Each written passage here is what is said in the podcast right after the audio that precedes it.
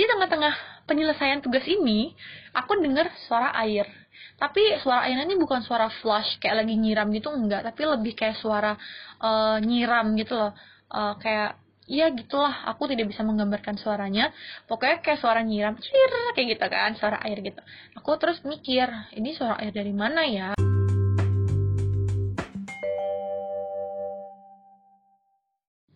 Hai, ketemu lagi di obrolan rencana. Hari ini ada aku Dinda dan ada Indah juga di sini.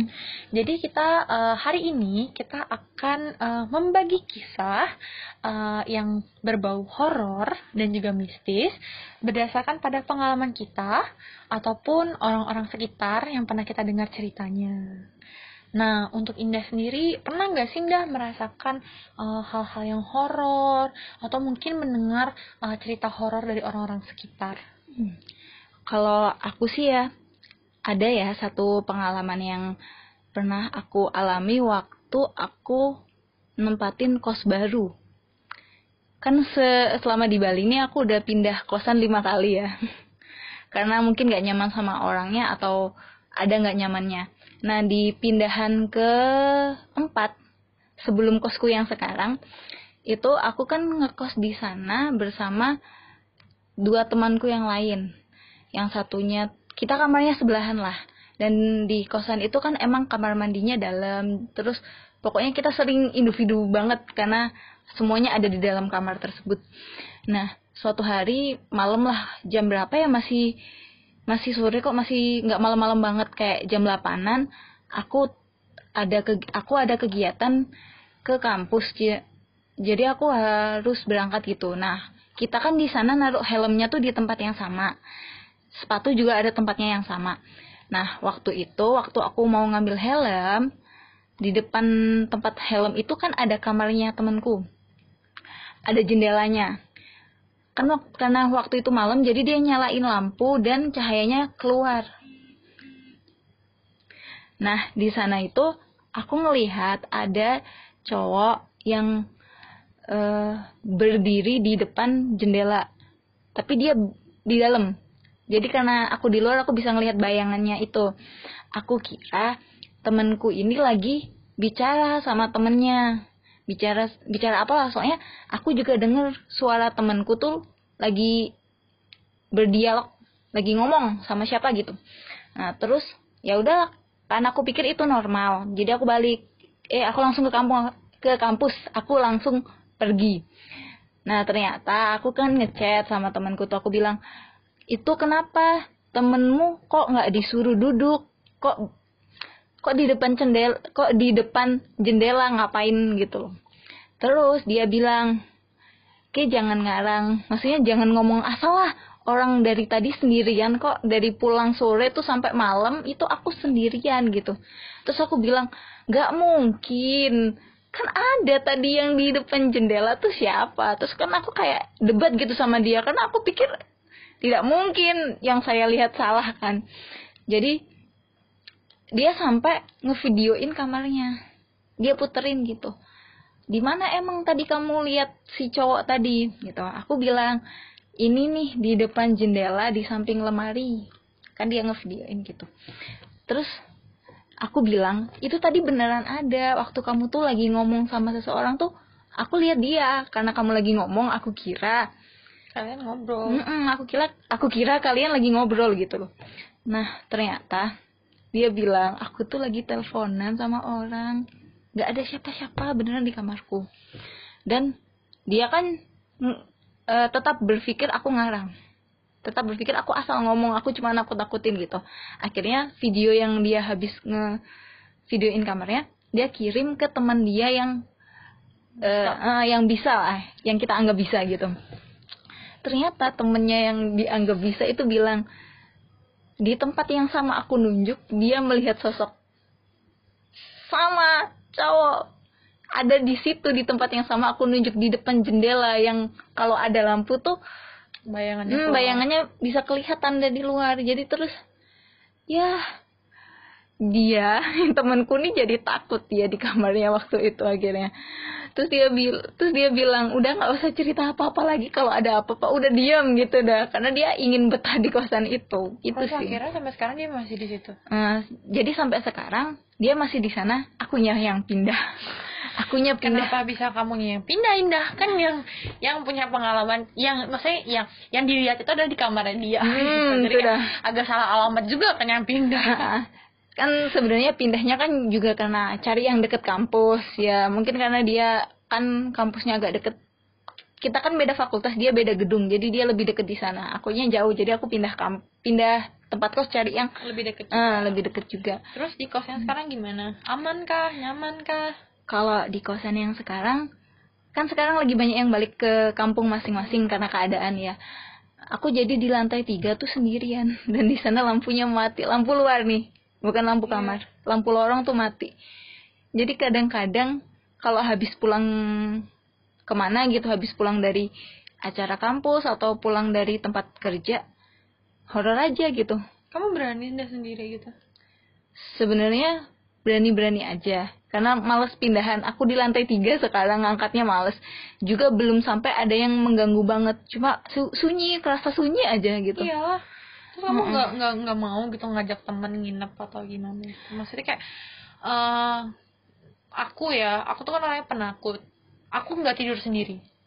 Aku nggak tidur sendiri. Aku tidur sama mama aku. Memikirkan aku akan tidur sendiri aja itu udah takut untuk aku. Apalagi sekarang kamu harus tidur sendiri di pantai. Misalnya kamu nggak cuma di kamar sendiri, tapi kamu di satu lantai itu cuma kamu sendiri. Apalagi itu di lantai tiga menurut aku kan kayak Wow, kamu sangat berani kalau kamu bisa bertahan, kamu bisa tidur dengan nyenyak setiap malamnya, memikirkan bahwa kamu satu-satunya orang yang ada di lantai tersebut. nah itu sih sebenarnya mm, selain karena males pindah ya juga di lantai tiga tuh emang aku sendiri tapi dia lantainya kayak ke- bukan kecil Maksudnya nggak terlalu tinggi gitu Hmm. satu sama lain. ya nggak karena nggak terlalu tinggi juga kamarnya cuma dikit. Gimana ya? Aku kan di lantai tiga. Hmm. di lantai tiga itu cuma ada tiga aja kamarnya. Hmm, oke. jadi tetap ruang aja. mm, mes- sih tapi ruang lingkupnya kecil. Aku juga kan kalau malam pulang tinggal tidur. Iya, sebelumnya main Iya dulu sih. biar capek. Tetap aja akan juga. Juga deket kampus juga sih. Ntar aja kalau mau cari lagi kayaknya. Tapi nggak tahu kapan gitu sih. Hmm, kalau oke. Dinda ada pengalaman apa kira-kira Kalau aku eng- enggak sih, karena aku satu aku orangnya tidak sensitif, Hmm. benar-benar tidak sensitif. Terus aku juga orangnya penakut dan aku adalah aku bukan orang penakut yang penasaran kayak gitu. Ada kan beberapa orang kayak dia pen- dia tahu dia penakut tapi dia suka nonton horor kayak gitu. Mm-mm. Nah aku bukan karena aku tahu aku penakut, aku nggak suka nonton horor yang ada yang memperlihatkan lah hantunya atau kejadian jenis itu aku aku enggak. Tapi eh, ada salah sa- sa- eh, satu enggak dua channel YouTube horor yang aku ikutin yaitu kalau eh, Indah dan juga mungkin teman-teman pendengar semua tahu yaitu DMS Diary Misteri Sarah sama Jurnal Risa. Itu yang aku ikutin karena aku tidak satu aku tidak melihat bentuk mereka. Karena itu kan cuma aku cuma denger aja kan kayak oh ini sekarang ada gini ya kayak gitu tapi ada satu kejadian dan aku berharap ini adalah satu-satunya kejadian dalam hidupku. Itu kejadiannya malam aku baru selesai rapat. Nah eh, kalau rapat kepanitiaan itu itu kan selama aku kepanitiaan itu selalu selesai malam kan? Karena kita rapatnya itu mulai sore sore sampai malam. Paling cepat itu jam 9 nah kejadian tuh waktu itu jam 9 9 lebih mungkin.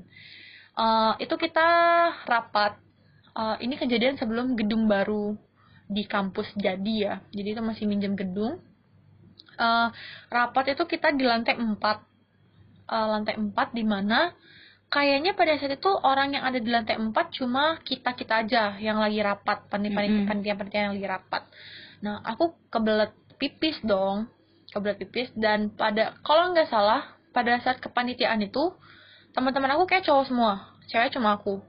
Jadi kayak itu teman-teman pacarku cowok semua cewek cuma aku doang yang deket ya maksudnya. Akhirnya eh, akan aku pengen pipis aku bilang ke pacarku aku aku pengen pipis gitu. Ya udah nanti aja di lantai satu ya kita pipisnya. Ya setelah kita turun aku udah bilang sama dia nanti temenin ya pipisnya. Dalam artian tuh bukan dia nemenin sampai masuk masuk itu enggak. Maksudnya dia berdiri di depan kamar mandi cewek. Jadi eh, aku keluar dari kamar mandi aku lihat dia gitu. Jadi aku tidak merasa takut. Oke ditemenin. Udah deal nih perjalanan kita ke kamar mandi tiba-tiba sebelum kamar mandi sebelum kita nyampe kamar mandi ada salah satu temen kita yang lagi duduk gitu kan. Ada kursi dia lagi duduk. Eh, ngapain? Nungguin temen katanya. Dan pacar aku dengan kurang ajarnya tiba-tiba dia bilang kayak oh ya udah aku di sini aja nemenin si ini temen eh, temen kita. Eh, kamu sendiri aja berani kan aku dalam keadaan yang satu kebelet banget. Dua kayak malu banget untuk bilang kayak aku nggak berani karena pada saat ada ada, teman juga kan. Ya aku bilang aku dengan sosoknya bilang kayak oh ya berani kok tunggu aja di sini ya. Oke oke gitu. Aku masuk kamar mandi. Nah posisinya itu kan kamar mandi cewek dan cowok itu sebelahan. Sebelahan eh, dan aku mas eh, aku masuk nih ke kamar mandi cewek. Pada saat aku masuk ada cewek. Dan sekarang pun mungkin aku mulai meragukan ya itu orang atau bukan. Tapi aku yakin sih itu orang dan aku aku mikir oh yes ada orang nih. Jadi nanti begitu orang ini keluar pasti kan cewek itu pasti dia butuh persiapan kan sebelum dia meninggalkan kamar mandi. Entah dia entah dia Benerin. berkaca berias eh, bener rambut dan lain-lain kan. Aku mikir berarti aku nih harus cepet-cepet menyelesaikan eh, tugasku di kamar mandi supaya aku bisa barengan sama cewek ini keluar dari toilet perempuan setelah aku masuk kamar mandi aku dengar suara kakinya dia tuh udah mulai keluar dari uh, kamar mandi. Dan aku mikir kayak oh dia udah keluar. Ya udah deh nggak apa-apa. Uh, juga nggak ada apa-apa nih aku berani. Akhirnya aku uh, menyelesaikanlah tugasku. Di tengah-tengah penyelesaian tugas ini aku dengar suara air. Tapi suara airnya ini bukan suara flush kayak lagi nyiram gitu enggak tapi lebih kayak suara uh, nyiram gitu loh. Uh, kayak Iya gitulah, aku tidak bisa menggambarkan suaranya. Pokoknya kayak suara nyiram, cir kayak gitu kan, suara air gitu. Aku terus mikir, ini suara air dari mana ya? Di, di toilet perempuan kan ada dua dua bilik lagi kan, dua bilik lagi di bilik sebelah aku mikir, bukan kayak bilik sebelah rusak deh, nggak mungkin juga ada orang yang ada orang di sebelah gitu. Oh bisa jadi di eh, di, sebe- eh, di sebelahnya lagi kamar mandi yang laki-laki, yang cowok oh yaudah deh nanti aja. Eh, mungkin di kamar mandi laki-laki lagi ada orang. Lagi ada orang. And then setelah aku selesai misalnya tugasku aku keluar aku langsung keluar kan. Dan aku pada saat aku keluar aku tidak melihat ada tanda-tanda kehidupan Di- lagi selain aku di, di kedua kamar mandi itu. Setelah aku keluar aku cari pacar aku aku tanya eh ada yang keluar nggak? Eh, ke ada yang keluar nggak dari kamar mandi? Gitu kan. Dia bilang ada tadi cewek. Berarti cewek pertama sebelum aku masuk. Oh selain itu nggak ada. Aku langsung kayak diem aku mikir eh kalau misalnya nggak ada yang keluar atau nggak ada yang masuk terus itu suara air dari mana? Aku mulai mikir kan. Nah setelah kejadian itu eh aku aku aku kan salah satu eh, pengisi penyiar radio di kampus di mana aku pernah bawain satu segmen horor. Eh, terus di segmen itu aku membaca eh, konten dari salah satu kak- kakak tingkat yang bisa melihat Eh, di situ dia kayak menjelaskan di mana-mana aja sih di kampus ini yang ada penunggunya. Dan salah satu tempat yang dia bilang itu adalah kamar mandi.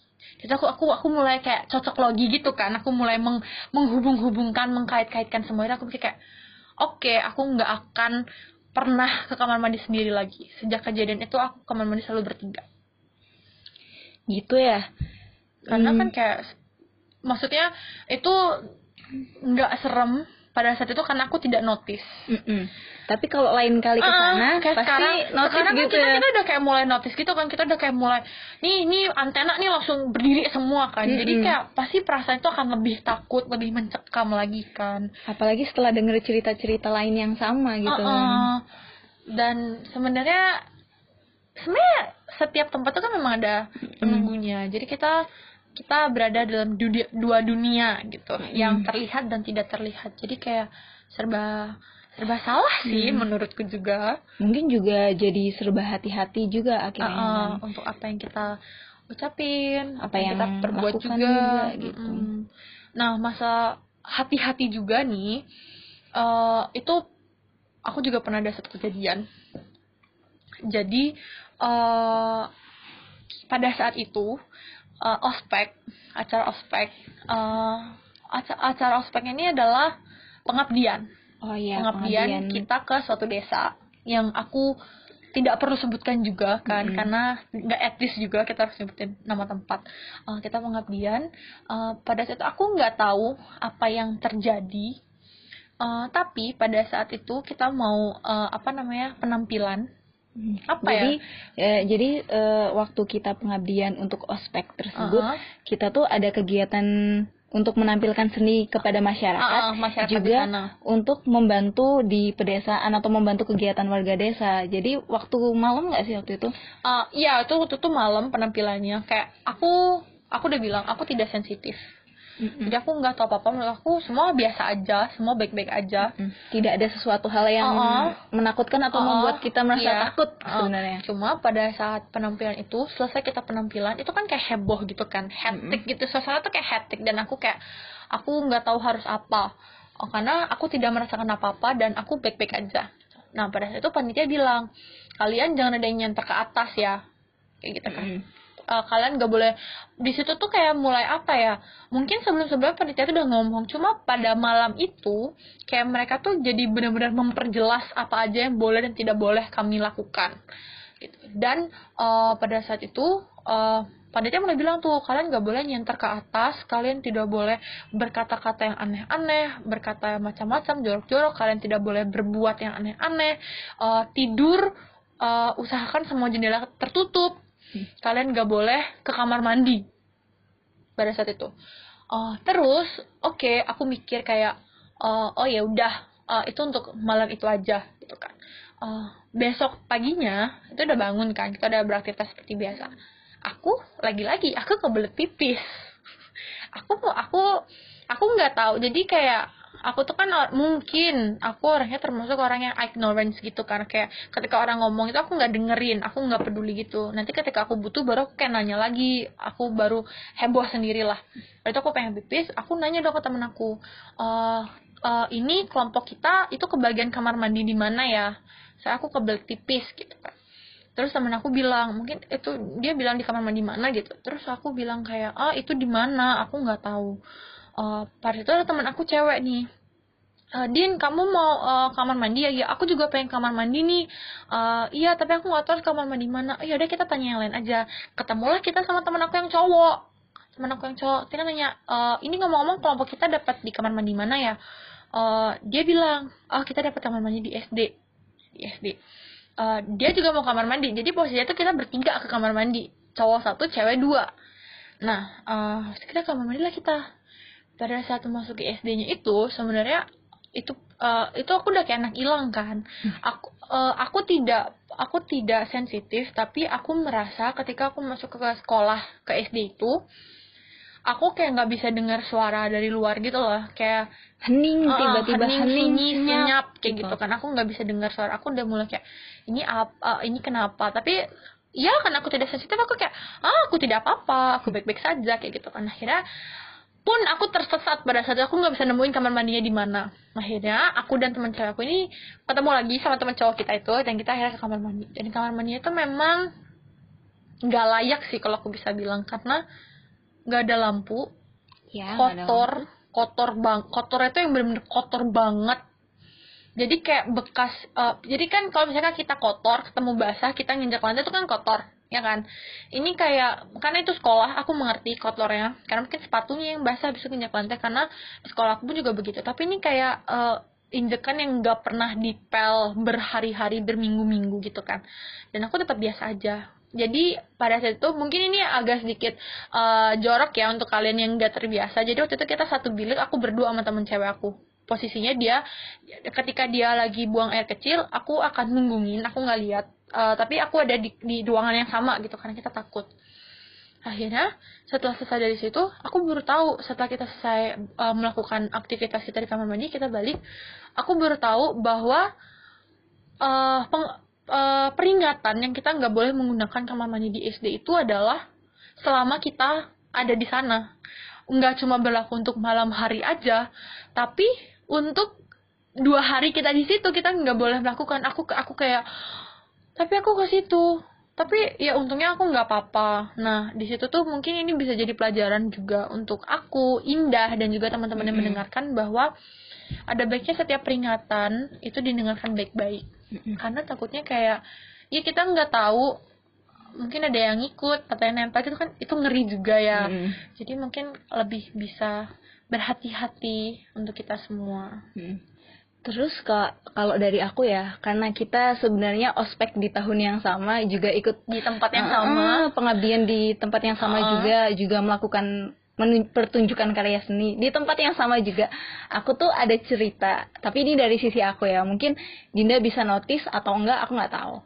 Jadi kan di malam itu, di malam jadi penampilan itu Ah, jadi eh, puncak dari pengabdian masyarakat kita itu adalah penampilan tersebut dan itu kita nginep satu hari satu malam ya? Dua hari satu malam. Dua hari satu malam di desa Tempat tersebut. itu. Eh, di tempat tersebut. Nah kan malamnya satu-satunya malam kita nginep di sana itu kita yaitu pertunjukan. Nah kita kan dibagi ada sekitar 8 kelompok. Aku tuh tidak satu kelompok sama Dinda. Mm-mm. Nah, waktu itu kelompok aku tuh penampilan nomor satu apa dua gitu. Nah, setelah kita tampil, itu kita mengembalikan peralatan atau barang ke tempat tidur, tempat kita tidur ke tempat kita tidur. Nah, itu dibagi per ton. Nah, dalam perjalanan kelompok aku, waktu itu mengembalikan alat, kan kita ada dibagi dua baris. Sebenarnya yang membuat susah mengembalikan alat adalah karena cukup banyak dan berat di kita karena kita bawanya satu-satu satu-satu satu-satu gitu. Nah, aku kan tidak di paling belakang juga tidak di paling depan, aku di Tengah-tengah. Tapi waktu itu waktu kita jalan ke tempat kita istirahat, itu teman aku yang paling depan sama yang paling belakang itu di jalan tiba-tiba dia berhenti. Berhenti aja. yang paling depan yang paling belakang Mm-mm, berhenti aja gitu. Nah, kan kita kepo kan, kenapa nih dua temen yang di depan sama yang di belakang berhenti? Ternyata nggak tahu kenapa ya, aku juga nggak terlalu paham. Mereka itu kayak eh, tersenggol energi gitu loh. Gimana ya ngomongnya ya? bentrok Ah, kalau bentrok dari yang aku tonton ya Ah. itu namanya tuh kayak bentrok itu energinya bentrok gitu.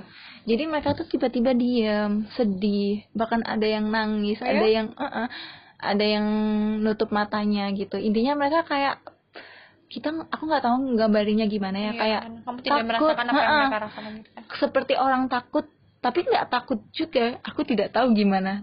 Pokoknya mereka tiba-tiba terganggu, Heeh. Me- terganggu. Terus kan ada kalau kita ospek kan ada cutting tuh ya. Cuttingnya mencoba menenangkan sisanya agar tidak semuanya Panik. lepas kendali gitu. Akhirnya kita semuanya naruh barang semuanya. Terus yang tadi sempat terganggu dibawa ke tempat lain ditenangkan. Jadi ya udahlah anggap aja sudah selesai. Jadi kita udah naruh barang nih kita balik lagi ke tempat eh, pertunjukan tersebut. Nah di tempat pertunjukan aku kan ngelihat temanku yang tadi sempat eh, terganggu itu. Mhm. Dia tuh kayak lemes banget gitu. Lemes di pojok nyender gitu. Ya kan kita kan aku cuma berpikir ya apa pun yang terjadi malam ini sama temanku semoga kita bisa pulang dengan selama nyaman dan selamat. Jadi ya kayak ya waktu malam itulah aku aku kan nggak sama kayak Dinda. Aku Kita tuh baik-baik aja. Heeh, kita baik-baik aja dan kita tidak sensitif. ya bahkan aku ketawa-ketawa aku nyanyi-nyanyi sumpah pada saat Ah-ah. ospek itu kayak ah Salah satu keseruan di sana gitu ya. Ah, jadi- keseruan itu. kan pada saat itu panitia bilang ketika kalian tidur semua jendela itu harus ditutup kan ditutup sama gorden jadi posisinya eh, jendela di tempat aku tidur aku nggak tahu kita satu ruangan Kayaknya tidur. satu sih karena banyak anak satu jurusan gak sih yang dijadiin Oh satu? enggak, aku beda-beda. Aku sama Gigi tuh beda ruangan. Pokoknya itu kan berdasarkan kelompok ya. Mm, mm, mm. Eh, di jadi panitia itu udah bilang bahwa semua jendela itu harus tertutupi gorden. Mm. Makanya eh, tapi kondisi di lapangan eh, itu gorden itu kayak cuma ada seperempat atau setengah dari jendela gitu loh. Jadi nggak semua tertutup gorden. Mm-mm. Makanya panitia itu kayak minjam kalian ada yang bawa selimut nggak, ada yang bawa kamen nggak untuk nutupin jendela Mm-mm. sisanya yang tidak tertutupi gorden. Jadi sebentar ya Din ya. Jadi buat informasi tempat kita istirahat, tempat kita tidur atau tempat kita mengembalikan barang tadi itu adalah di SD. Iya di SD di di SD desa tersebut. nah, yang di notis Dinda tadi. Jadi Hmm. di S- jadi kan kita tidur di ruang kelas kan ya. Eh, sebelumnya pasti ada bangku-bangku atau apa Iya. yang dipojokin ke samping. Jadi eh, di depan jendela di dalam ruangan itu ada bangku-bangku. Jadi kalau kita mau naruh gampangnya mau nutup jendela kita harus naik. Iya kan? Oh, enggak Nah, gitu kalau sih. kalau di tempat kalau aku di maksudnya kalau di kamar aku gitu ya. Ah, di kalau kamar, di ruangan. di ruang Ah, istirahat kelompok aku gitu. Panitia, panitia tuh udah nutupin di Hmm. awalnya. Cuma di ruangan aku itu karena udah nggak ada lagi kain lebih yang Hmm. sisa. Pas banget. Jadi aku tidur eh, lurus mata aku jendela itu nggak ketutupan. nggak Hmm. ketutupan gorden, nggak ketutupan kain, pokoknya terbuka. Aku Hmm. bisa melihat apa? Nggak karena malam aku nggak bisa ngeliat. Pokoknya intinya kaca lah. Mm-mm. Jadi kamu ngadep kaca. Iya, aku ngadep kaca dan eh, panitia bilang kali kalaupun ada kaca yang terbuka, kalian jangan lihat ke kaca. Kayak gitu kan. Itu kayak sebenarnya takut banget. Dan menurutku itu juga ya aku nggak tahu ya, aku harus mikir apa pada saat aku mikir kayak ini kayak panitia nakut-nakutin doang nih. Eh, kenapa kita nggak boleh cuma noleh kaca doang? Kita nggak boleh namanya tidur kan nggak sadar ya kan Hmm. kita noleh atau enggaknya ke kaca, kita lihat atau enggaknya. Aku mikirnya tuh kayak mereka nakut-nakutin, tapi itu berhasil. Aku takut tapi pada saat aku tidur, eh, aku lihat ke kaca. Iya. Itu kayak selalu lihat ke kaca. Dan nothing happen. Mm-mm. Gak ada yang terjadi. Karena lagi-lagi aku tidak sensitif. Mm-mm. Aku sebelum tidur aku ngeliat kaca. Aku bangun tidur aku ngeliat kaca. Jadi aku tuh kan orangnya kalau ketika aku tidur tidak di kamarku, itu aku kan selalu kebangun. Mm. Jadi Kayak- tiap 15 menit sekali kebangun kayak gitu seperti kan. kar- karena kita udah biasa tidur di di tempat tidur kita jadi kalau pindah tempat atau ke tempat lain kayaknya asing banget gitu sih? Oh, jadi, memang kayak di, aku nggak tahu tapi meskipun aku nginep di rumah orang juga atau tidur di hotel juga itu terjadi gitu loh. Selalu aku bangun setiap 15 atau 20 menit sekali atau bahkan 10 menit sekali itu aku bangun. Dan setiap aku bangun itu aku selalu lihat kaca. Ya nggak ada apa-apa gitu. Tapi eh besokannya aku ketemu sama temen aku di mana dia ini sensitif. Terus dia bilang kayak jendela itu rame banget katanya. Katanya ya.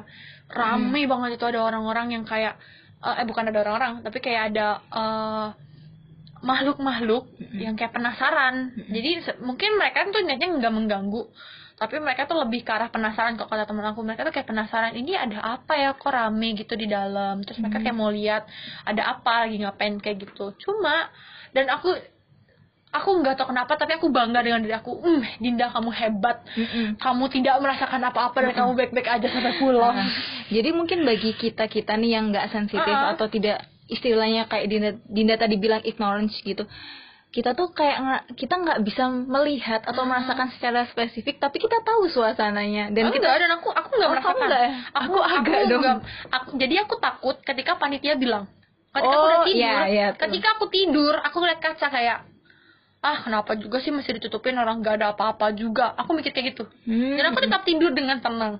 Mm-mm. meskipun kebangun-kebangun juga kan itu emang kebiasaan. Besokannya ketika aku dengan temanku kayak dia bilang kayak di luar tuh rame banget. Aku kayak jadi aku tidur ya. Depanku tuh jendela yang kebuka. Dan aku baik-baik aja. Aku selalu ngeliat ke jendela. Ya bersyukurlah dia mungkin nggak bisa ngeliat. Dan jadi tahu gak sih Indah aku nggak tahu kenapa tapi aku yakin banget pasti setiap orang ketika kecil mereka tuh pasti kayak iya aku pengen dia bisa ngeliat oh iya kayak gitu kan aku pengen Kita bisa tuh- ngeliat bisa Hmm. merasakan bisa ngomong sebenarnya kita penasaran sama apa yang tidak bisa kita rasakan Ah. Heeh.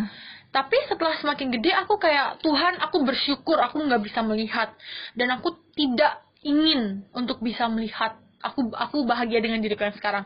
Kayak gitu jadinya kan. Heeh. Dan itu makin kerasa waktu kita Makin tua. Heeh, makin tua. Juga sebenarnya dari kejadian ospek itu aku kan sebelumnya agak nggak percaya sebenarnya. Agak-agak tidak percaya. Cuma karena banyak temenku yang aku lihat nih. Dengan meng- mata kepala mm, aku lihat mereka tuh terganggu. Aku lihat mereka tuh mengalami suatu hal aku jadi mau nggak mau sih agak percaya gitu dah.